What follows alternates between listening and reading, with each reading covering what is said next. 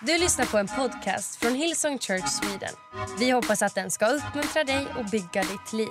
För att få mer information om Hillsong och allt som händer i kyrkan, gå in på hillsong.se. Amen, amen, amen. Varsågod och sitt. Tack teamet. Tack Ellen. All right, well, vi ska hoppa rakt in i predikan. Uh, jag vet att en del har varit vana med att möten online är 50 minuter. Eh, och eh, det är, vi håller på vänjer oss via gudstjänst. Men eh, underbart, vi tar gärna lite extra tid i gudstjänsterna. Är kvar en liten stund längre för vi vill så gärna prata om Ukraina. Känner att det är viktigt att vi bär det tillsammans och att vi, det är värt vår uppmärksamhet, det är värt vår tid. Eh, det, det vi gör gör skillnad. I Jesu namn. All right, well, jag ska hoppa in i predikan. Dagens predikan heter Jesus plus ingenting. Uh, det, är, det, det, är den bästa titel jag någonsin har haft uh, under 26 år som predikant. Den är till och med värd att skriva ner. Uh, om du vill veta vad livet handlar om så är det Jesus plus ingenting. Om du vill veta vad evangelierna handlar om så handlar de om Jesus plus ingenting. Problemet med oss äh, människor är att vi så gärna vill ha plusmenyer på allt. Vi vill så gärna ha plus. Jag har en period när jag försöker låta bli att äta för mycket snabbmat. Jag har en tendens att eh, vilja du vet, så här, tröstäta eller äta. Jag, bara, jag gillar mat, jag gillar... Eh, är det ost på så gillar jag det. Är det finns det pommes till så gillar jag det ännu mer. Och, eh, när man kommer dit så känner man, du vet så, här, så är ju, så bor ju, eh, frestaren bor ju i den där högtalaren när man kör drive-inen. När de säger, vill du ha plusmeny på det? Du man bara vet, Jesus, man får näpsa det direkt alltså. Det är frestaren. vill alltid att man ska ha plusmeny. Eh, och eh, vet vad man säger? Uh, a moment on the lips, a lifetime on the hips. Så det blir ingen, det blir ingen, uh, ingen plusmeny. Men uh, grejen är att det är samma sak så ofta med våra kristna liv. När vi tar, tar, när vi tar emot Jesus, då är han allting. När vi tar emot Jesus, då är, betyder han allting. Då är vi värt att byta ut allting mot Jesus. Men ibland, ju längre vi håller på, så går vi från Jesus plus ingenting till Jesus och så vill jag ju ha det. Och så tycker jag ju så. Och så Jesus plus min tolkning. Och så Jesus plus min preferens. Och så Jesus plus mitt schema. Och så Jesus plus mitt förflutna. Eller vad jag bär med mig. Och jag fattar att allt det där är mänskligt. Men om vi verkligen vill upptäcka kraften av evangelium så måste vi upptäcka kraften av Jesus plus ingenting. Tack ska du ha Dennis. Du är värd att ha på möte. Med dina fina naglar. Uh. Den, så, alltså så här, jag, först hade jag tänkt att predika lite ofiltrerat idag, sen kom jag på att vi sänder det här online också.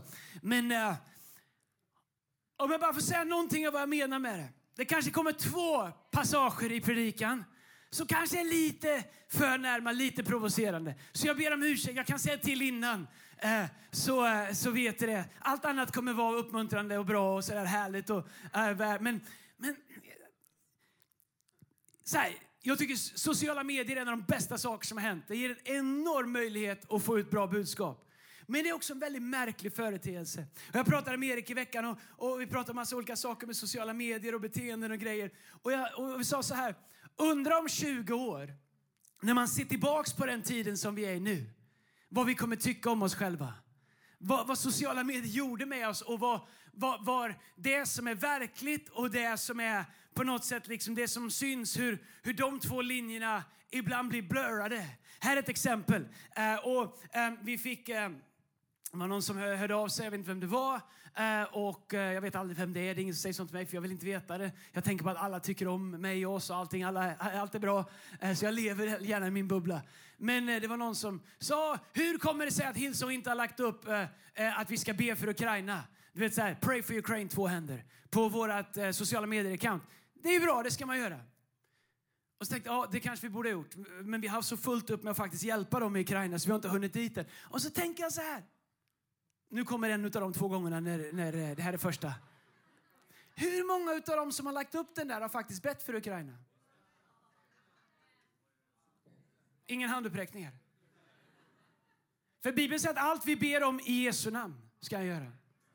Du vet fienden, han, han, han säger åh nej, de la upp en Instagram-post. Vi måste backa här. Huh. Nu har de lagt upp en grej på Facebook här med två händer. Valfri färg, pray for Ukraine, flagga. Nu är det över. Nej, nej, nej. Fienden responderar på när vi faktiskt ber. Och om vi tror jag lägger gärna upp en post nästa gång du tänker, vad, nu tycker han, tror Andreas att jag lägger upp en post när det behövs nästa gång. Nu tänker han att jag inte ber. Det gör jag inte. Jag tänker inte så mycket på dig. I'm sorry.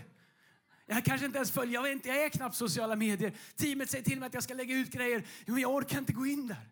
För jag har så svårt ibland att orientera i, det, i vad som är på riktigt och vad som är ett skyltfönster.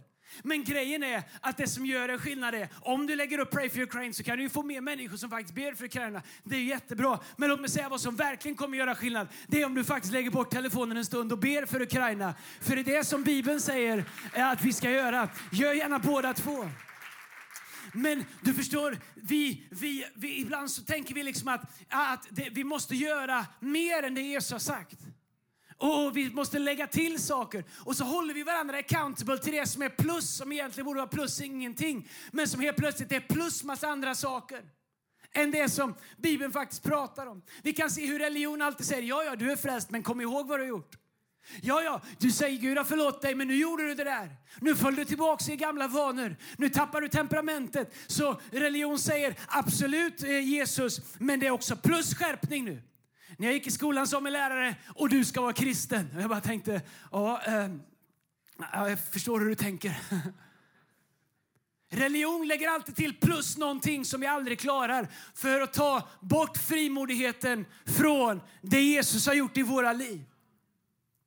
Adam och Eva hade allting. Djävulen sa, ormen sa, skulle Gud verkligen ha sagt? Är allting verkligen tillräckligt för er? Vill ni inte ha det här som ni egentligen inte behöver också? Och det, när de tidigare hade Gud plus ingenting, vilket var Gud plus allting, så blev de av med allting de hade och var kvar med bara ingenting. Därför att allt var inte tillräckligt. De ville ha plusmeny när de redan hade allting. Jag vill bara tala ett litet ögonblick om värdet av oss och hela tiden komma tillbaka och påminna oss om att det är Jesus plus ingenting. Att det är Jesus, frälsta av nåd, rättfärdiggjorda genom tron, eh, förvandlade i sinnets förnyelse genom anden. Att det här är frälsningens gåva och vad det gör i våra liv. Och, och det, jag, jag, gillar att studera Paulus, jag tycker att det är uppmuntrande. För ibland, vi har små utmaningar tycker jag i vår kyrka, men Paulus hade riktiga problem i sina kyrkor. Och ibland kan det vara tröstande att läsa om någon som har mer problem. Come on somebody. Och Paulus han hade riktiga utmaningar. I Galaterbrevet kapitel 3 så skriver han till galaterna. Så det, det verkar liksom som att folk blir galna så fort Paulus åker. Och de vill hela tiden ha plus massa saker som inte behövs. Och det värsta är att det är plussakerna som det alltid bråkas om. Det är plussakerna som alltid skapar läger. Det är plussakerna som vi står med våra flaggor och ska fightas för. De som vi egentligen inte behöver. Så Paulus han skriver i Galaterbrevet kapitel 3, vers 1. Ni galna galater. Har no det här är the message. Eh, ni galna galater. Alltså tänk att få säga det en gång. Ni galna Norra! jag tittar inte på någon. Jag, menar, alltså, jag, jag är ändå mjuk. Det får ni hålla med om. Jag är en softis. Ni galna galater, har någon förtrollat er? Tänk att få öppna med det. Det har jag ingen anledning till, det vill jag verkligen säga. Har ni tagit semester från ert förnuft? Någonting galet har hänt, för det är uppenbart att ni inte längre har den korsfäste Jesus i klart fokus i era liv. Hans offer på korset var definitivt klargjort inför er tillräckligt tydligt. Wow! Alltså Paulus, det är, han, är liksom, han, är, han säger, ni galna galater, har ni tagit semester från förnuftet? Har ni tomtar på loftet? Är, förstår ni, är ni, är ni vad, vad har hänt med er? Men jag gillar också att han säger, ni har definitivt fått hans offer på korset tillräckligt klargjort för. Och när jag läste jag kände mig så otroligt träffad. Jag vet allt jag behöver om vad Jesus har gjort för mig. För att inte hålla på med plusmenyer som inte behövs. Men jag lägger till, jag har fått evangelium tillräckligt tydligt klargjort för mig för att aldrig någonsin kunna dribbla eller schackra eller hålla på med andra saker än det som Gud faktiskt har satt. Om du har kommit till vår kyrka i 12 månader, jag skulle säga att det räcker med tre, men 12 månader, då har du hört evangelium tillräckligt tydligt. För det är det enda vi predikar här. För att förstå att det Jesus gjorde för oss, det är vad Jesus gjorde för oss. Paulus han predikar evangeliet om Jesus till galaterna. Och när han sen lämnar dem så tappar de fokus på det centrala, the essential, och eh, på vad, det, och på vad de hade upplevt när de lärde känna Jesus och på det som Paulus hade predikat. Det är som att de, de liksom tappar bort upplevelsen de hade i mötet med Kristus. De tappar bort upp, ö, ö, ö, undervisningen de fick som ledde till tro. De tappar bort det Paulus har sagt och sen så utifrån att man, man, man, liksom, man tappar bort Jesus lite, lite grann och helt plötsligt ska man börja konstruera egna saker. Nu är det modernt att dekonstrukta. Man ska liksom, det är som att det räcker inte vad Jesus säger. Nej, det är Jesus plus mitt, hur, hur jag kan pussla ihop det. Du vet grejen med tro. Det är därför Paulus säger, jag pratade om det förra söndagen eller någon söndag innan när det var, när Paulus säger, därför, har det så, därför böjer jag mina knän inför allt vad Fader heter. Paulus säger, här är hur jag förstår och förhåller mig till evangelium. Så här. Så här har jag tagit emot det. Så här. Jag böjde mig. Jag tog emot det. Det var inte så här.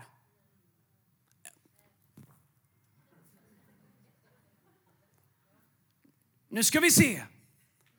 Nej, Paulus, jag, jag hörde det. Jag upplevde det.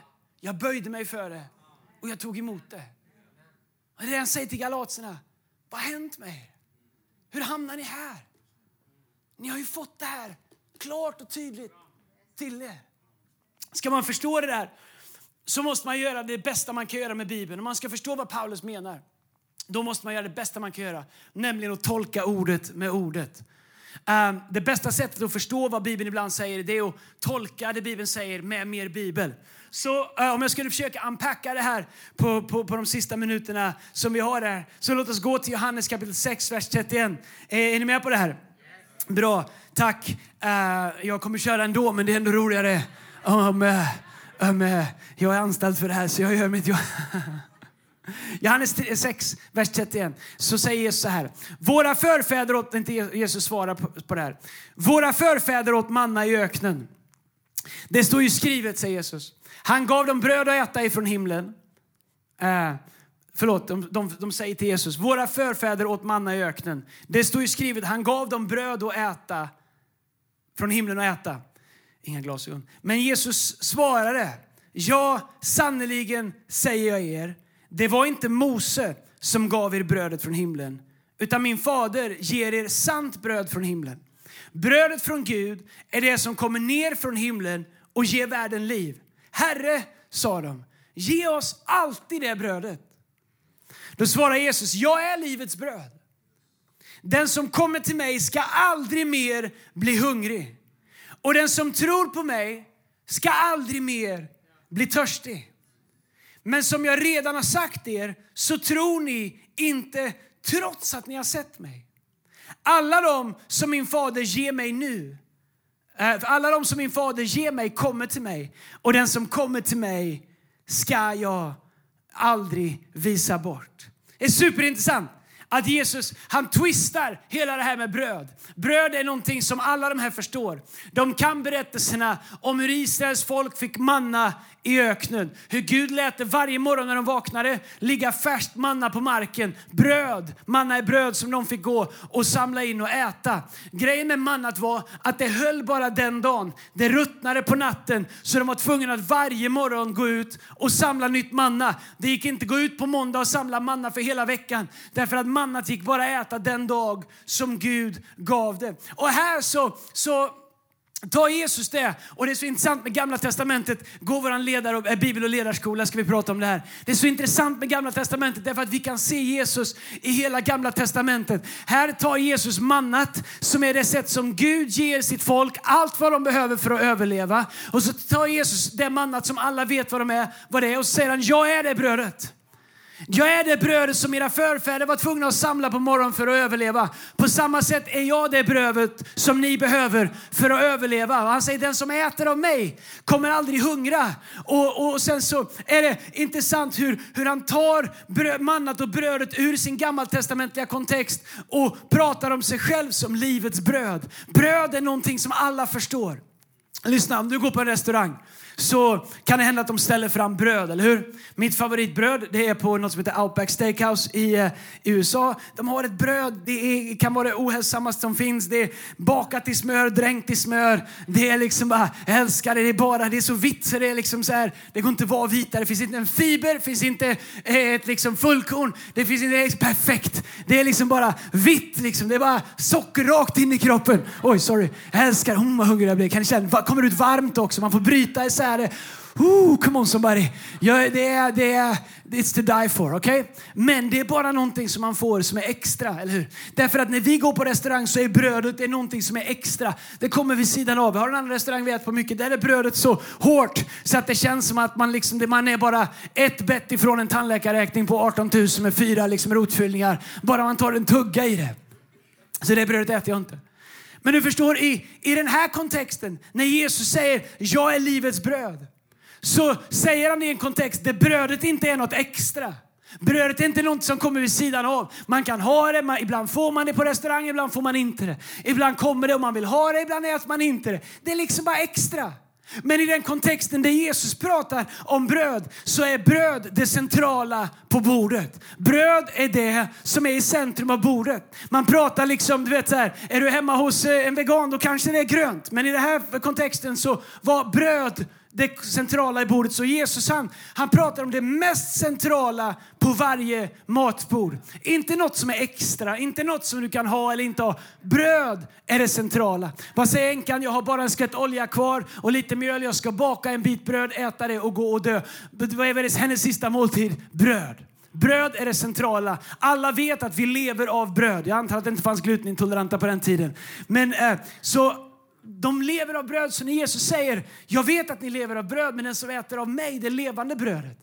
Han säger det till människor som vet att bröd är det centrala. Vi lever av det här. Vi äter det varje dag. Det är i centrum av varje måltid.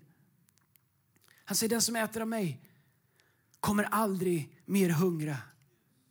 Jesus säger, jag är det centrala i ditt liv. Jag är centerpisen. Inte något extra som du kan ha om du vill eller inte. Inte något, liksom, du vet, så här, något som kommer ibland. Han säger jag är i centrum av det som ni lever av. Det är det han säger i Johannes evangelium. Inte Outback Steakhouse, liksom så här smördryta bröd som kommer som du kan äta eller lämna. Det säger jag är det centrala. Jag är livets bröd. Och han tar alla människors religiösa frågor, allt de har blivit uppfostrade med att man måste göra, måste hålla, måste fatta, måste vara. Han säger, det, det, allt det där extra. Ni tror att alla era religiösa präktighetsövningar är det centrala. Jesus säger, jag är brödet. Jag är det centralaste av det centrala i era liv. Den som äter av mig kommer aldrig mer hungra. Och på samma sätt säger Jesus att var och en som äter av mig kommer aldrig mer hungra. Var och en som dricker av mig kommer aldrig mer törsta. Därför är det extremt viktigt för oss att vi förstår att Jesus, när han säger att han är livets bröd, att han säger till oss, kom tillbaks till mig hela tiden. Antingen är jag det centrala eller så är jag ingenting alls. Men det är intressant eh, hur fort klockan går, men det är intressant när Jesus pratar om det här. Han säger, jag är livets bröd. I Israel, där man fick, eh, förlåt, Egypten, där de fick eh, bröd varje morgon, manna varje morgon. Som jag sa så var man tvungen att gå ut och samla in det varje morgon för att äta det. Därför att det var ruttet dagen efter. Det luktade dagen efter. Man, man ville inte, det var oattraktivt dagen efter. Och nu, nu kommer den andra grejen och de sakerna som kanske är lite... Sen är, vi, sen är det bara liksom, sen ska jag preacha hem det här. Jag tänkte när jag läste, när jag höll på med det här igår.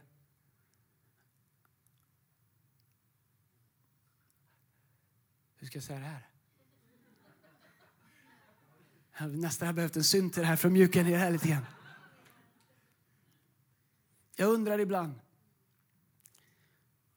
om vi kristna alldeles för många gånger istället för att ha livets bröd och ge har gammalt manna som människor inte vill ha. Kan det vara så Att så mycket av det som är unket med oss kristna ibland, det sätt vi pratar till varandra, det sätt vi tänker om varandra, konversationer på sociala medier, fraktioner, hur vi delar upp oss. Hur vi, hur vi liksom, istället för att, som Bibeln säger, att om vi var och en ser oss själva som våra nästas tjänare så får vi alla ett rätt förhållande till varandra. Eller om vi som Paulus säger, tänk på det, det som är, tänk på det som är sant, det som är rätt, det som är rent, det som är upphöjt. Sök det goda. Kan det vara så att i en värld som vill ha bröd, som inte vet vad bröd är, som inte vet att Jesus är livets bröd. Kan det vara så att för en del av oss är det för sällan som vi faktiskt är hos Jesus? Är det för sällan som vi faktiskt är hos honom så vårt bröd är inte dagsfärskt? Vårt bröd är manna från förra veckan, eller förra månaden eller förra året. Och så fort vi börjar bryta våra bröd så, så luktar det illa, det smakar illa. Det, det, det skapar ingen väldoft. Det är liksom inte som, som Saltaren säger, hur ljuvligt är det när bröder lever i endräkt? Vad är det psalm? Är det psalm, psalm jag kan googla det sen. Eh, psalm, eh, psalm 133. Hur ljuvligt är det? How pleasant it is. Hur ljuvligt är det när bröder och systrar, det gäller er också min själ, lever i endräkt. Bibeln säger att det är som när oljan rinner ner från Arons skägg. Och så säger den engelska översättningen, where there is unity, God commands his blessing. Där enligt rådet dit befaller Gud sin välsignelse. Kan det vara så att vi måste förstå värdet av att om jag har gammalt bröd, då kommer det smaka gammalt när jag pratar. Då kommer det smaka unket när jag skriver. Då kommer mina åsikter vara färgade av doften av mitt gamla manna. När Gud säger, varför drar du runt på det? Min son Jesus Kristus, han har färskt bröd att äta varje morgon. Och Jesus säger, jag är inte i periferin, jag är inte i skafferiet, jag är inte liksom i någon himla brödbox som du stoppar in i skåpet. Jag är centerpiecen på bordet. Jag är det centrala. Jag är det som ni heter av varje dag. Jag är livets bröd. Det är det Paulus säger. Det är därför vi läser den här texten. Paulus säger, hur kunde ni tappa bort det här? Hur kunde ni få det här att handla om omskärelse? Om man får äta kött eller inte? Hur kunde ni börja bråka om ytterligheter? Var, var, var har ni, varför gör ni det? När ni ska gå och hämta bröd. Det upptäcker jag att om man, om, man, om man har fullt upp med sig själv eller andra saker så, så, så slutar man ofta hämta bröd. Jag har kompisar och vår kyrka är full av dem. De, alla i vår kyrka. Det är, jag, det är bara bra människor i vår kyrka. Jag vet inte varför ni skrattar, men jag känner så.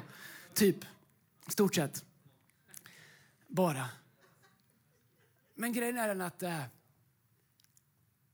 jag vill att när människor träffar mig i mitt tal, i hur jag reflekterar Jesus, i vad mitt liv handlar om, i hur jag pratar till människor, hur jag bemöter kritik, hur jag bemöter eh, människor som ser saker annorlunda än mig. Jag vill att de ska säga, jag håller inte med om något han säger, men det var något med brödet alltså. Hans bröd, det smakar bra. Alltså. Vårat bröd smakar bra. Vi fattar inte allt vad de gör. Media kan säga saker om oss. Men om världen säger det, det är något med brödet alltså. Vi, vi, vad, vad, är det för bröd de har? Det smakar bra. Det, får oss, det ger oss frid. Det, vi, det får oss att känna kärlek. Det är någonting med deras bröd. Alltså jag fattar inte vad de har i det. Det måste vara mycket sirap, det måste vara mycket socker, det måste vara lite kärnor och mycket eh, sirap. Come on somebody. Det är någonting med brödet. Det, brödet smakar bra. Grejen är så att vi tror att vårt jobb är att vinna massa saker. Det Jesus säger, Gud säger the battle belongs to the Lord. Herren ska strida för er. Vi är inte, jag är inte här för att prove a point. Jag är inte här för att vinna ett slag. Jag är inte här för att, jag är här för att ge människor bröd. Men om mitt bröd är gammalt så har jag inget bröd att ge människor. Men om mitt bröd är dagsfärskt, hämtat hos Jesus på morgonen, livets bröd, då är jag bärare av liv. Och alla människor jag träffar, de säger Andreas, jag går igenom det. Och jag kan säga, jag vet inte vad du ska göra, men jag vet en sak. Här ska du få bröd. Det här brödet, det är fullt av liv. Och Jesus han säger, den som äter av det här brödet, hans hunger ska försvinna. Hunger pratas inte bara om magen som kurrar. Hunger representerar behov. Alla dina behov. Den som dricker av mig, säger Jesus, av det vattnet jag ger, han ska inte törsta mer. Andreas, mitt liv är så otillfredsställt. Jag brottas med ångest, jag brottas med ensamhet. Jag säger, jag vet inte, jag är ingen terapeut, men jag har det här vattnet. Jag hämtade det i morse. Det finns i en brunn, han heter Jesus. Jag har med mig ett glas. Have, have a drink. Ta ett glas av det här vattnet. Det är inte från, från förra veckan eller förra månaden byggt på gamla egna erfarenheter eller hur det var 1900 kallt när det var så bra, när väckelsen var här och gamla tiders bla bla bla bla bla bla. bla. Det här vattnet, det är från idag. Det är hämtat från källan Kristus själv. Det är från klippan som gav vatten i Jesu Kristi Nazarens namn. Och till en värld som hungrar och törstar så behövs det en kyrka som förstår att det är Jesus plus ingenting som är det som människor letar efter. Och vi kan bli pressade och forcerade och, och, och bli åt alla möjliga riktningar. Och människor vill dra oss, slita oss och få oss in hit och in dit. Vi, vi har bara en enda uppgift. vet du vad? Jag är här för en sak. Jag är här för att ge bröd. Jag har bröd från i morse. Jag var hos bagaren i morse. The master baker Jesus Kristus. Och jag har med mig hans bröd. Du kommer inte få in mig i den debatten. Jag vill inte vara med i ditt lag som bråkar mot det laget. Jag vill inte skriva i ditt kommentarsfält. Jag vill, inte, jag vill bara ge bröd. Nej, jag är inte perfekt. Nej, vi är fel. Nej, man måste göra om. Man måste bli bättre. Ja, vi måste, vi måste, allt det här. Men, men, men det är jag här för. Jag är här för bröd. Jag har bröd och vatten. Inte mitt bröd, inte mitt vatten, men brödet från Jesus Kristus. Vattnet från källan källan som aldrig sinar, som släcker våran törst och fyller våra behov. Och det finns en värld, en brusten värld som längtar efter mer än den här världen kan ge. Och om vårat bröd är ruttet och från den här världen, då är vi inget annorlunda. Men om vårat bröd är färskt och smakar bra, då har vi någonting att ge till människor. Vi säger, ta en tugga av det här.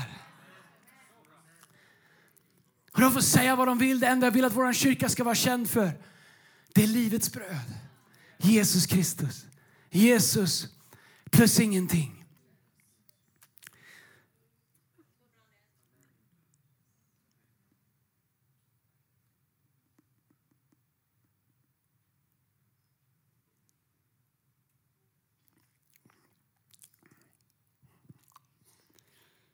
Well,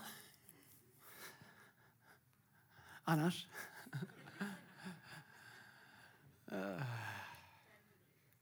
Här är grejen, church. Um,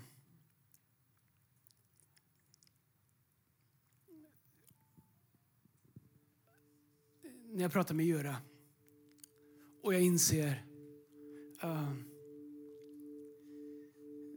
vad kristendom och vad kyrka verkligen handlar om. Jag inser vad, vad vi kan gå igenom och man kan säga vad varför pratar alla om Ukraina? Alla andra ställen det är krig som ingen pratar om. Då säger jag, det är en mycket bra poäng. Det finns någonting att lära sig av det. Som vi behöver ta till oss. Men vi har gjort några saker den här veckan och jag kan inte prata om dem offentligt här online för att hjälpa dem där. Och några specialare. Och jag tänker, vad, mycket, vad oviktigt så mycket annat blir försökt trösta män som har skickat sina fruar och barn över gränsen utan någonting. Utan en leksak. En del fick inte ens med sin nallebarn, ingenting. På flykt. Jag pratade med någon igår och våra team gör fantastiskt jobb. Vi har team från våra europeiska kyrkor som är uppe i gränsen i Warszawa, som är i Rumänien, som är i Bulgarien, som är runt om. Inom några veckor så tror jag att vi kommer börja skicka ner bussar, fulla stora bussar till Polen och hämta människor hit till Stockholm. Och jag tror att många av oss ska öppna våra hem. Och jag tror vi ska hitta sätt att hjälpa människor. Grejen är att jag har vänner, icke troende, som ringer till mig och säger Andreas, ah, kan vi hjälpa till? Folk kan bo hos mig. Eh, allt ifrån liksom folk som bor inne i stan till folk som bor på bondgårdar. Hur kan vi hjälpa till? Det är min bön och min längtan. Att vi skulle förstå värdet av att sortera ut vad som är viktigt. Under tider och perioder när vi har lyxen att välja och friheten att välja. Och se Göra kasta sig på Jesus. Hur leder man en kyrka i ett krig? Det finns ingen bibelskola för det. Men Jesus är fortfarande livets bröd. Jesus är fortfarande allt som vi behöver. Det är min bön det här året. Phil pratar om det så bra, att det här är the year of the, of the favor of the Lord. När vi pratar om Guds favör så handlar det inte bara om bless me, bless me, bless me. Den djupaste delen av Guds favör är att ha Jesus plus ingenting. Kanske är det någon som jag får utmana idag. Och, och det finns ingen skuld i det. det finns ingen, ni vet, om ni, jag, jag predikar inte skuld och skam. Allt jag vill är att lyfta människor. Men kanske är det någon som behöver reflektera den här veckan. Har jag blivit som galatierna? Har jag lagt till massa saker? Har jag tagit tillbaka massa saker som Jesus stod för att jag inte skulle behöva ha? Är mitt bröd gammalt? Är mitt vatten gammalt? Vad bjuder jag omgivningen på för bröd? Därför att om våra längtan är att ha färskt bröd från himlen, då kommer det alltid dra oss till Jesus varje dag. För bara hos Jesus finns det brödet. Och när vi är hos Jesus så blir våra hjärtan alltid mjuka. Det går inte att vara med Jesus och inte få ett mjukt hjärta. Det går inte att äta av livets bröd och inte ha mjuka hjärtan. Och inte ha en, en, en, samma villkorslösa kärlek och omsorg om människor som Gud har. Vi blir som honom när vi umgås med honom. Så anledningen att Jesus vill att vi ska hämta det varje dag är för att brödet ska vara färskt men också för att vi ska få möta honom varje dag. För att vi ska vara lika honom. Och det är det Paulus säger. Vad har hänt med er galatier? Hur blev ni så här? Hur kunde ni tappa bort allt ni fick? Jag älskar Paulus, han har alltid en väg tillbaks i Jesu namn. Och det är min bön för dig och det är min bön för mig. Att i den här veckan när vi sänds ut i våra vardagar, när vi sänds ut i allt som Gud har kallat oss till, när vi sänds ut till skola, till arbetsplatser, i familjer, i våra äktenskap, överallt där vi är. Att vi skulle bära med oss friskt bröd. Att vi skulle bära med oss färskt bröd och friskt vatten. Att vi skulle bära med oss livets bröd. Att det skulle vara Jesus plus ingenting. Han skulle få vara centerpiecen i våra liv, det centrala i våra liv. Inte något extra som kommer som vi äter ibland och ibland inte äter av. Utan att han verkligen skulle vara det centrala i våra liv. Att han skulle vara det centrala i våran kyrka. Att han skulle vara det viktigaste, det enda som betyder någonting i våran kyrka. Det är att Jesus är i centrum. Att hans kallelse, hans uppdrag, hans missionsbefallning, hans mandat, det han har gjort, att det skulle vara det centrala i våran kyrka och i våra liv i Jesu namn. Det är det enda som betyder någonting. Jag är helt ointresserad av cool kristendom. Jag är helt ointresserad av cool paketering. Vi kommer använda alla, allt vi kan för att hjälpa människor att förstå, för att göra, göra brödet attraktivt. Men i slutet av dagen, det enda som är värt någonting, det är brödet ifrån Jesus Kristus. Och antingen så har vi det, eller så har vi inte det. Antingen så är det färskt, eller så är det gammalt. Låt oss ha färskt bröd i våra liv, i våra familjer, i våra connectgrupper, i våra team, i vår kyrka. Och låt oss bidra till att vi var och en är bärare utav det. I Jesu Kristi Nazarens namn. Amen. Come on, lovsångsteamet kom upp här. Ska, ska vi stå upp tillsammans? Ska vi be tillsammans? Bevara gärna stillheten så ska vi be. Jag vill be äh, två böner. Vi ska sjunga en lovsång. Men innan vi gör det så, så vill jag be en bön. För alla i vår kyrka, alla våra olika locations, för dig online. Kanske kan du blunda där du står. Jag ska ställa en modig fråga. Även be våra team vara stilla just nu. Vi kan få stillhet i hela rummet. Om du är här idag, älskar Jesus, tro på Jesus. Men du bara känner mitt bröd är gammalt. Mitt bröd är inte färskt. Hur vet man det? Ja, man vet det tror jag. Eller du säger Andreas,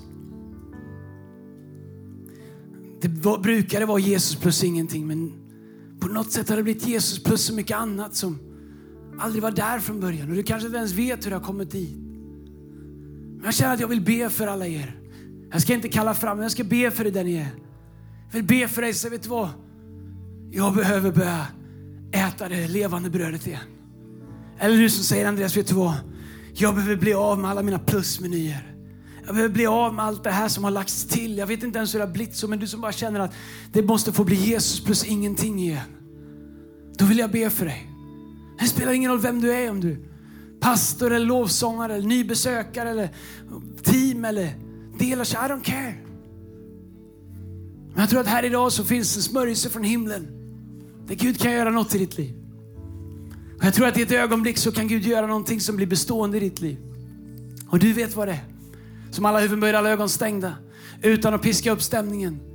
I den här atmosfären, om du säger Andreas, jag behöver färskt bröd i mitt liv igen. Eller du säger Andreas, jag behöver bli av med alla mina plusmenyer. Jag behöver bli Jesus plus ingenting igen. Om du säger att Andreas, det är jag. Då vill jag be för dig där du står. Att du skulle få möta Jesus, att du skulle få äta färskt bröd igen. Att du skulle bli levande jord igen. Att saker som har lagts på som du kanske inte ens ville ha i ditt liv, att Gud skulle skala bort det. Att du ger Gud tillåtelsen att skala bort det i ditt liv. Om du säger Andreas, det är jag. Medan alla brunnar, lyft upp din hand där du står. Jag vill bara be för er. Det skulle att Gud skulle göra någonting i era liv. Underbart, kom och lyft era händer. Så Andreas, det är jag. Jesus plus ingenting. Färskt bröd i mitt liv. Jesus, jag tackar dig. Herre, jag tackar att vi igen och igen och igen och igen får komma till dig. Herre, jag tackar dig i en värld som hela tiden vill lägga på oss andra saker. Och där vi själva lägger till och lägger på andra saker, så ber vi här att du skulle påminna oss idag om att när du frälste oss, när vi hörde om korset och om ditt offer på korset, så fick vi Jesus plus ingenting, vilket var Jesus plus allting. Och Jesus, idag så ber jag att du skulle ge oss en ny uppenbarelse om att du är livets bröd. Och den som äter av dig ska aldrig mer hungra. Den som äter av dig ska alltid ha det som behövs. Herre, jag ber att vi skulle få en uppenbarelse av att komma till dig varje dag och äta. Äta ur ditt ord, äta i bön tillsammans, äta i närvaron av dig, äta i det fördolda, äta i det gemensamma, Herre Jesus. Herre, jag ber, ge oss en uppenbarelse om ditt bröd. Ge oss en uppenbarelse om att vi vi behöver ha bröd att dela till människor i vår närhet. Herre, jag ber, möt oss Jesus. Herre, gör allting nytt i våra liv, Herre Jesus. Hjälp oss att leva fria, rena, tillsammans med dig, med bara evangelium, med bara ditt förbund, med bara dina löften, med bärare av ditt kors och allting som du gjorde för oss. Och hjälp oss att stå emot frestelsen och lägga till saker som inte är viktiga. Lägga till saker som du aldrig har kallat oss till. Lägga till saker som du aldrig dog för att vi skulle ha i våra liv. Nej, låt oss leva med Jesus plus ingenting. I Jesu namn vi ber. Amen. Kom om vi ska sjunga bara några refränger på den här sången innan vi ber för veckan. Du har lyssnat till en podcast från Hillsong Church Sweden. Om du vill veta mer om vår kyrka eller om våra söndagsmöten surfa in på hillsong.se.